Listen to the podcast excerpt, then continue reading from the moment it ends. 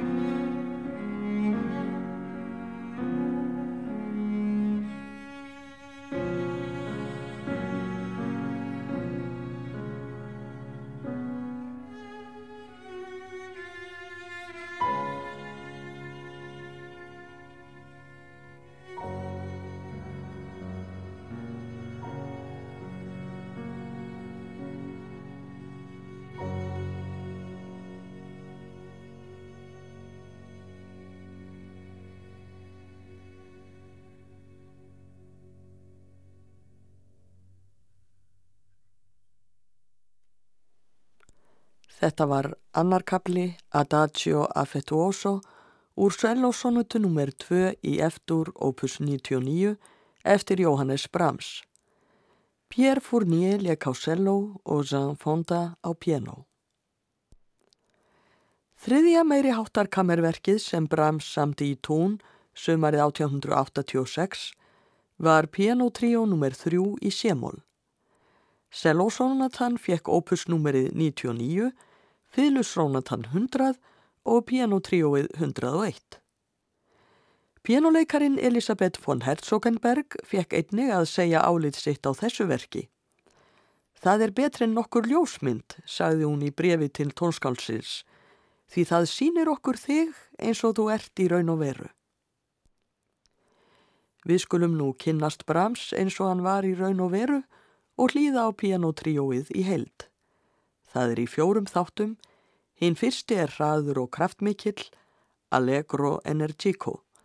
Annan kabla á að leika mjög hratt en ekki um of, Presto non assai.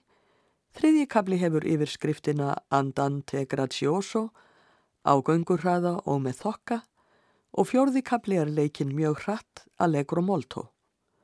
Gold pianotríóið leikur nú pianotríó nr. 3 í Sémól, opus 101, eftir Jóhannes Brahms.